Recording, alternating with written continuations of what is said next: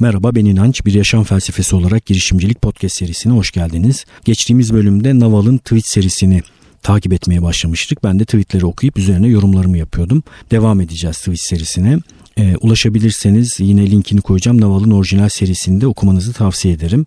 E, şimdi tekrar devam edelim. Nerede kalmıştık? Spesifik bilgiden bahsediyorduk. Ve en son şunu söylemiştim ben. Spesifik bilgiyi daha çok kendinizi akışta hissettiğiniz faaliyetlerde bulabilirsiniz, inşa edebilirsiniz. Yani sizin tutkuyla yaptığınız, yaparken size iş gibi gelmeyen, kendinizi çok mutlu hissettiğiniz şeyler. Benim akademisyen arkadaşlarımdan bir tanesi mesela bana şunu söylemişti. Bazı çok merak ettiği makaleleri, zor bulduğu makaleleri bulduğunda okumak üzere oturuyor bir süre kendisini sakinleştirmesi gerekiyormuş okumaya başlamadan önce. İşte tam bir akademisyen. Yani okuyacak, araştırma yapacak ve bu ona oyun gibi geliyor. Tutkulu, heyecana bakar mısınız? Yani okumadan önce kendisini sakinleştirmesi gerekiyor. Bu derece büyük bir tutku. Bu insanın akademisyen olması gerekiyor. Tutkusunu bulmuş, hayatını bu noktada sürdürebilir, mutlu. Zaten değer üretiyor. Böyle faaliyetleri kendiniz için bulmanız gerekiyor. Eğer e, daha böyle üniversite dönemindeyseniz zengin deneyim oluşturarak, bol bol deneyimlere girerek bu tutkulu alanı keşfetmeye çalışabilirsiniz. Bolca şey deneyerek, farklı türde faaliyetlere girip çıkarak, farklı türde kulüplere girip çıkarak belki kendi tutkulu olduğunuz alanı keşfedebilirsiniz. Herkesin böyle akışta olduğu bir şey vardır. Ee, televizyon karşısına geçip dizi izlemeyi kastetmiyorum tabii ama bu arada yani mesela diyelim ki dizi izlemek, yeni dizileri izlemek, takip etmek sizin için iş gibi gelmiyor. Tutkulusunuz ve bunu çok seviyorsunuz. Bunu da bir değere dönüştürmek mümkün müdür? Tabii ki mümkündür. Burada çok yüksek bir tutku görüyorsanız ve bunu değere dönüştürebileceğinizi düşünüyorsanız bunu da yapabilirsiniz. Devam edelim Naval'ın twist serisine. Spesifik bilgi ancak şöyle öğretilir diyor. Okul yoluyla değil de çıraklık yoluyla. Çok güzel yine. Ben de katılıyorum. Okullarda çünkü bize öğretilen şeyler herkese öğretilebilen şeyler. Herkesin öğrenebileceği şeyler. Ama usta çırak ilişkisi yoluyla okullarda öğrenemeyeceğimiz bir takım şeyleri öğreniyoruz. Özellikle üniversiteyi yeni bitirenlere, üniversitede okuyanlara daha önce de e, Hakan Akben'le de söylemiştik. Şunu çok öneriyoruz. E, maddi değer beklemeden bir usta bulun kendinize ve onunla birlikte onu asiste ederek bir şeyleri nasıl yapıyor, meseleleri nasıl ele alıyor, kararlarını nasıl veriyor, o yapmakta olduğu işi nasıl yürütüyor, insanlarla nasıl ilişkiler kuruyor bunu öğrenmeye çalışın. Bu bedava. Yani e, bedava derken şöyle siz ona bir değer katıyorsunuz. Onun e, onu asiste ederek ona yardımcı olarak o da size bu ustalığı yaparak yardımcı oluyor. E, böyle ben çırak olmak istiyorum dediğinizde size kendi alanını açacak, kendi bilgisini açacak bir sürü insan var. Emin olun bulabilirsiniz. Takip ettiğiniz, işini tutkuyla yapan, alanında usta olmuş birilerine bir süre değer üretin. Bu alanda çalışarak siz de bu çıraklığı yaparak spesifik bilgi sahibi olabilirsiniz. Yollardan bir tanesi bu. Spesifik bilgi ya çok tekniktir ya da yaratıcı bir şeydir diyor Naval. Yani outsource edilemez, dışarıya kaynaklandırılamaz, dışarıya satılamaz, verilemez veya otomatize edilemez diyor. Bu da önemli. Yani daha önce de konuşmuştuk yapay zekanın çıkmasından sonra aslında insanı insan yapan beceriler çok daha öne çıkmış durumda. Yapay zeka bizim en büyük e, rakibimiz değil bence. Bizim yap, yapabildiğimiz şeyleri yapmaya çalışan bir e, girişim türü. Biz zaten bunları yapabiliyoruz insan olarak. Öğrenebiliyoruz ve kendimizi iyileştirebiliyoruz bir şeyleri daha iyi hale getirebiliyoruz. Onun için yüksek teknik gerektiren teknik sahibi olabileceğiniz ve yaratıcı olan alanlarda spesifik bilgi biriktirmeniz daha iyi diyor. Yani baktığınızda outsource edilebilen, outsource etmek ne demektir? Bir işi başkasına yaptırabilmek demektir. Mesela siz bir girişim sahibi olarak dijital pazarlamanızı outsource edebilirsiniz. Parasını vererek başkalarına yaptırabilirsiniz. Otomatize olması ne demektir? Mesela e, dijital pazarlamanızın bir kısmını otomatize edip yazılım yoluyla da yapabilirsiniz. Bir takım bunu sağlayan servis sağlayıcılar var. Onlardan hizmet alabilirsiniz.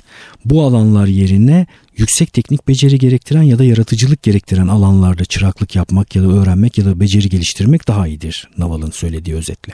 Bir sonraki tweet kendi adınızı kullanarak iş, iş riskleri alın ve sorumluluk sahibi olun toplum size kaldıraç sağlayacaktır. Equity demiş yani bir işin bir var bir parçasını sağlayacaktır. O da size sorumlu davranacaktır bunu yaptığınızda. Kendi adını kullanarak kendi adın üzerinde risk al. Bakın bu çok önemli. Bireysel olarak risk almak. Kurumsal hayatta çalışırken de yapabilirsiniz bunu. Risk almazsanız kurum içerisinde e, otomatize edilebilecek, outsource edilebilecek ve sizin yerinize başkalarının yapabileceği bir takım işleri yapıyorsunuz demektir. Risk aldığınızda ise risk nedir, nedir zaten tarif olarak? Gelecekteki öngöremediğimiz bir takım durumları içerir riskli durumlar. Onun için risk almak önemli. Öngörülemeyen bir gelecekte iş yaptığınızı gösterir. Bir sonraki tweet. En güvenilir, sorumluluk sahibi insanlar bir takım kamuya mal olmuş riskli markalardır diyor. Oprah'ı öne, e, örnek vermiş Amerika'dan, Trump'ı örnek vermiş, e, Elon Musk'ı e, örnek vermiş. Bu insanlar kendi bireysel markalarını kullanarak risk alıyorlar demiş. Bir sonraki tweetinde Arşimed'in meşhur sözünü paylaşmış. Bana yeterince uzun bir kaldıraç verin ve bu kaldıracı dayayabileceğim bir yer verin. Dünyayı yerinden oynatayım. Bunu yapabilir bu arada. Yani bir kaldıracın ucuna dünyayı koyarsanız o kaldıracın dayanacağı da bir destek olursa diğer ucundan iterek dünyayı oynatabilirsiniz. E, kaçış hızı diye bir şey vardır bilirsiniz. Füzeler yerden atıldıkları zaman belli bir noktaya kadar yer çekimine karşı kuvvet üretmeleri gerekir. Ama bir noktada uzayda belli bir yere geldiklerinde bu yer çekimi etkisi sıfırlanır. Kaçış hızı da sizi bu noktaya ulaştıracak hızdır. O noktadan sonra artık o roket çok minik itmelerle, çok minik güç uygulamalarıyla dilediği kadar mesafe kat edebilir. Çünkü en önemli kuvvetlerden birisi olan yer çekimi kuvvetini yenmiştir. İnsani faaliyetler için de benzeri bir şey geçerlidir. Bir işi yapmaya başladığımızda o işin ilk başındaki o zorlu aşamalarını yer çekimi gibi düşünebilirsiniz. Belli bir süre sizi e, kendine çekmeye, yapıştırmaya çalışır ama belli bir süre dayanırsanız ve istikrarlı ve ısrarlı bir şekilde o şeyi yapmaya devam ederseniz bu kaçış hızını kullanmış olursunuz ve sonrası çok daha kolay olacaktır. E, bir sonraki madde servet sahibi olmak, refah sahibi olmak kaldıraç gerektirir. İşle ilgili kaldıraçlar şunlardan gelir. Kapital, insan ve üretim maliyeti olmayan ürünler demiş. Sonra açmış kapital para demek. Para bulmak için de e, para oluşturmak için spesifik bilginizi sorumluluk alarak ve iyi yargılarda bulunarak, iyi kararlar alarak gösterebilirsiniz, oluşturabilirsiniz. İş ne demek? İnsan ne demek yani kaldıraç olarak? Sizin için çalışan insanlar olması demektir. E, bunun için de Naval şunu söylemiş. En eski kaldıraç formlarından birisidir ve insanların daha çok peşinde koştuğu kaldıraç türlerinden birisidir. Ama insan emeği kaldıraçı annenizi babanızı etkileyebilir, onların hoşuna gidebilir ama bence hayatınızı bunun peşinde koşarak geçirmeyin diyor. Ben de aynı fikirdeyim.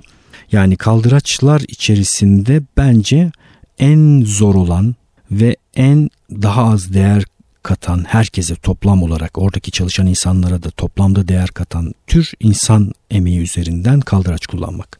Benim de çok sevmediğim bir kaldıraç türüdür. Kapital için şunu söylüyor bir de para için ve insan emeği için e, izin alınması gereken kaldıraç türleridir diyor. Yani birilerinden işte birilerine proje anlatmanız lazım para bulmak için, derdinizi anlatmanız lazım, yatırım almanız lazım, çalışan birilerini ikna etmeniz lazım. Yani birilerinin izni gerekiyor. Herkes bunun peşindedir ve herkesin de tabii ki ulaşması zordur diyor. Ama izinsiz kaldıraç olarak da kod ve medyayı söylüyor. Kod ve medya neden izinsiz kaldıraç türü? Kod yazılım yani. Siz yazabiliyorsunuz ve birden o şey sizin için çalışmaya başlayabiliyor. Kimsenin iznine ihtiyacınız yok. Medya nedir? İşte podcast, blog yazısı, kitap, video gibi medyalar yine izinsiz kaldıraçtır. Daha önce size söylemiştim. Eskiden bir film hayata geçirmek için, bir film çekmek için bir sürü insanı ikna etmeniz gerekiyordu. O kameranın başına geçemiyordunuz. Yatırımcıları ikna etmeniz lazım, prodüktörleri ikna etmeniz lazımdı. E, projenizi anlatmanız lazım. İşte bir sürü bekçi denir bunlara işte. Bir, bir sürü yerde bir sürü bekçi var. Bu bekçileri geçtikten sonra ancak o işi yapabilir hale geliyordunuz. Ben benim çok sevmediğim bir şey bu arada yine bir, bir yerlerde bir bekçilerin bulunması ve bu bekçileri ikna etmek. Onun için şu anda dizimi çekmek istiyorsunuz çekin. Film mi yapmak istiyorsunuz yapın ve koyun. YouTube'a koyun, Vimeo'ya koyun. Hiç kimseden izin almanıza gerek yok. E, işin demokratik hale gelmesi çok değerli. Herkes yapabilir. Hiçbir özrü yok şu anda. Yani mesela sinema dünyasında iş yapmanın bir özrü kalmadı. Yapan yapar. Yapabiliyorsanız. Devam edelim. Kod ve medya yani işte video, blog, metin, kitap bunlar da yine izinsiz kaldıraç demiştim. Yeni dönemin zenginleri daha çok bu izin alınması gerekmeyen kaldıraçları kullanıyorlar diyor Naval. Sen uyurken bile senin yerine çalışacak bir yazılım veya medya geliştirebilirsin. Blog yazıları böyle, yani bir sene boyunca haftada üç gün bir konuda blog yazısı yazdığınızda bir sene sonunda siz uyurken de internetten araştırılabilen, ulaşılabilen, okunabilen bir şeye sahip oluyorsunuz. Sonra bunu bir değere dönüştürmek zaten kolay ve mümkün. Bir sonraki tweette demiş ki adeta bir robotlar ordusu sizin için ücretsiz olarak hazır durumda beklemekte. Data merkezlerinde bekliyorlar. İşlemciler, hard diskler sizin için çalışmak üzere. Kullanın bunu diyor. Eğer kod yazamıyorsanız kitap yazın, blog yazın, video kaydedin, podcast kaydedin demiş. Ben de aynı şeyi önerebilirim ama kod yazmayı da hayatınızdan çıkarmanıza gerek yok. Yani kodlama, programcılık, bilgisayar programcılığı alanlarına girmek için hiçbir zaman geç değil. Kendiniz yazılım yazmayacak olsanız, kod yazmayacak olsanız bile bir programlama dilini bildiğinizde ve biraz bu işin içerisine girdiğinizde neyi yapabileceğinizi fark etmiş olacağınız için yapabileceğiniz işlerin sayısı, sayısı da artmış olacak. Ama biraz daha uzun bir yol kodlama ve yazılım dünyasına girmek. Belki uzun ama bu arada girmek gerekir. Yani herkesin bir şekilde ayağını atması gerekir. Kitap yazmak, blog yazmak, video kaydetmek ve podcast e, kaydetmek ve yayınlamak artık hiç özrü olmayan şeyler. Herkes hemen yapabilir. Ne kadar üzerine bassam gerçekten az. Bugünden itibaren kendi bilgi alanınızda, kendi ilgi alanınızda bilgi üretip bu bilgiyi insanlarla yazı yoluyla, video yoluyla ya da podcast yoluyla paylaşmaya başlayın. Hemen başlayın. İlla e, aşırı uzman olmanız gerekmiyor. Kendi öğrenme yolculuğunuzu da paylaşabilirsiniz. Türkiye'de bir sürü insan kaliteli, değerli içeriğe aç ve e, içimizde eminim şu anda bu podcast'i dinleyen birçok alanda çok fazla bilgisi olan, bilgisi deneyimi olan bir sürü insan var. Bu bilgileri insanlarla buluşturmak lazım. Bir sürü sektörde alanda insanlar gerçekten çok temel bilgilerden uzaklar. Tıp, doktorlar hemen bir sürü şey yapabilirler. Soğuk insanı hasta etmez bunu ben anlatıyorum ne zamandır anlatabildiğim kadar. Geçenlerde yine bir doktorla bir eğitim sırasında bir araya geldik. Daha doğrusu galiba Metal'e gitmiştim. Orada e, her gün öğren serisi bittiği için üzerine bir sohbet pro- programı gerçekleştirdik. Verimli çalışma ve zaman yönetimi serisini bitirdiler. Bir doktorla tanıştım. Hemen ayaküstü tabii ki ilk sorduğum şey nedir? Soğuk insanı hasta eder mi? Etmez dedi. Sonra Ediz'e anlattım. Dedim ki ben buzlu su içerken Ediz benden buzlu su istiyor. Ben de ona veriyorum dedim. Valla buzlu su içiyor Ediz bende. Hatta bazen suyu verdiğimde buz buz diyor. İçine buz atıyoruz. buzlu içiyor. Hiçbir şey olmaz dedi. Ben dedim pencere açık yatıyor. Evet harika yapmışsınız. Şunu söyledi ek bir bilgi gelmiş oldu bana. Bu alandaki çalışmalarım devam edecek bu arada. Soğuk değil hasta eden ama ani ısı değişimleri hastalığa yol açabiliyor dedi. Mesela siz soğuktasınız ve ona göre bir takım salgılar salgılıyor vücudunuz. Boğazınızda bir takım salgılar var. Aniden sıcağa geçtiniz. Bu salgılar bakteri üretmeye hazır oldukları için bakteri üreyebilir ve hastalığa doğru gidebilirsiniz. Ama gördüğünüz gibi soğuğun kendisi değil sizi hasta eden ısı değişimleri. Yani şu çocukları lahana gibi sarmaktan da artık vazgeçelim. Soğuk hasta etmez. Soğuk hasta etmez. Soğuk hasta etmez.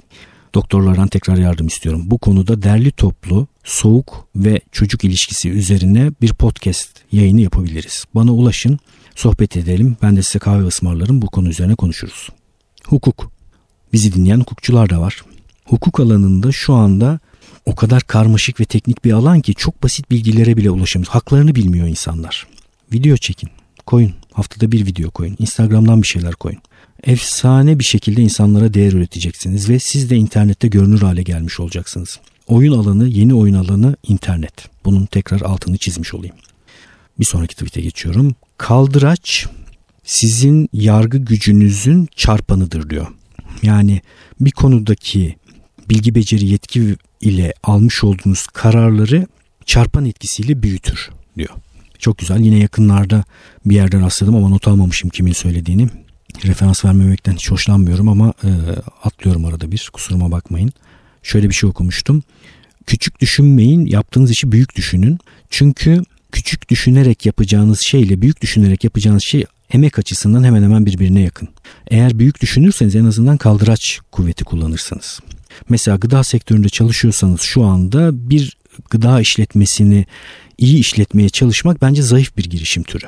Bunun yerine bir model kurgulayarak bu modeli başkalarına franchise şeklinde sunabilmek daha iyi bir iş modeli türü. Onun için kaldıraç kullanmaktan kaçınmamak gerekiyor. İnsan kaldıracını da unutmayalım bu arada. Naval söylememiş ama ben yine önemli kaldıraçlardan biri olduğunu düşünüyorum insan kaldıracının. Sizin hemen yakın çevrenizde olmayan ama bir şekilde tanışabildiğiniz ve kendi network'üyle, kendi bilgisiyle sizin yaptığınız işleri yukarıya çekebilecek birilerine ulaştığınızda yine yüksek bir kaldıraç gücü kullanmış oluyorsunuz. Peki karar verme gücü, yargı gücü, e, hüküm verme gücü deneyim gerektirir diyor Naval.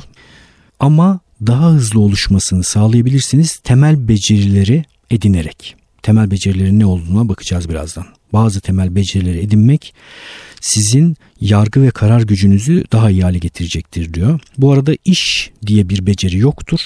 İş dergileri ve işle ilgili derslerden kendinizi uzak tutun demiş. Buna çok e, katıldığımı söyleyemeyeceğim. İş diye bir beceri bence var bu arada.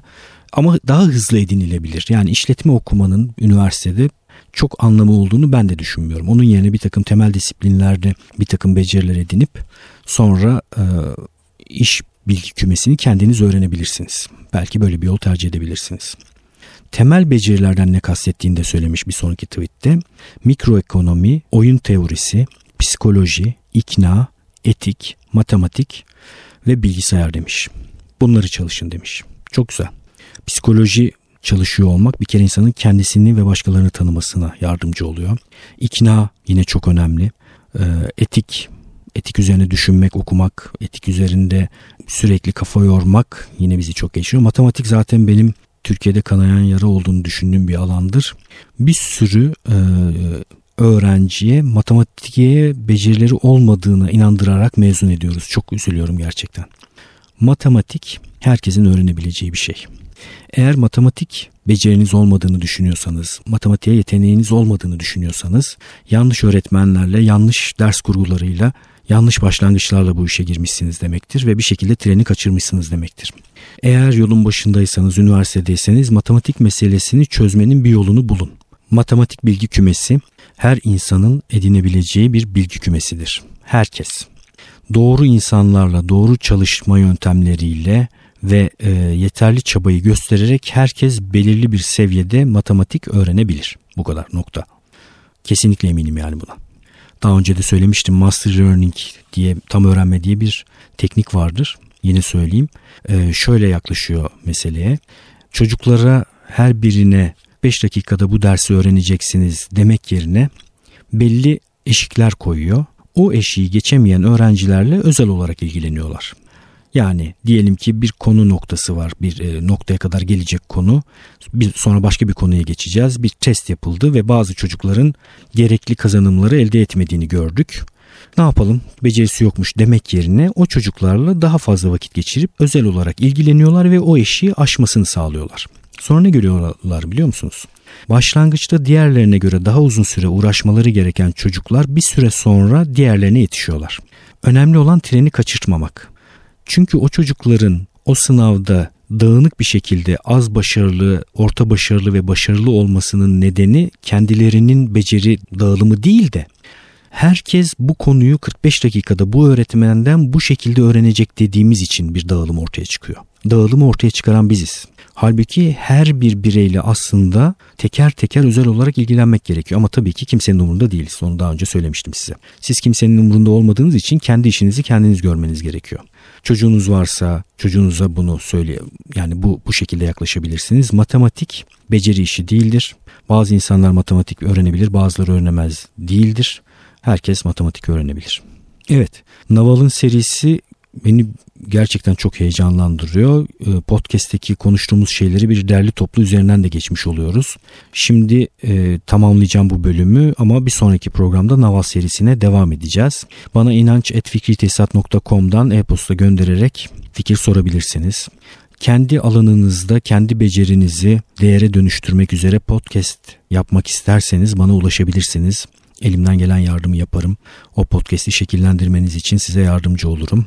Ee, bana bu konuda da ulaşabilirsiniz. Ben şu alanda şu bilgi kümesini bir podcast ile insanlara ulaştırmak istiyorum diye yazabilirsiniz. inanç.fikritesat.com'a inançayar.com podcast sekmesinden podcast içerisinde adı geçen kişilere, kitaplara, web sitelerine, linklere ulaşabilirsiniz. Benim için yine çok keyifli bir podcast oldu. Bir sonraki bölümde görüşmek üzere.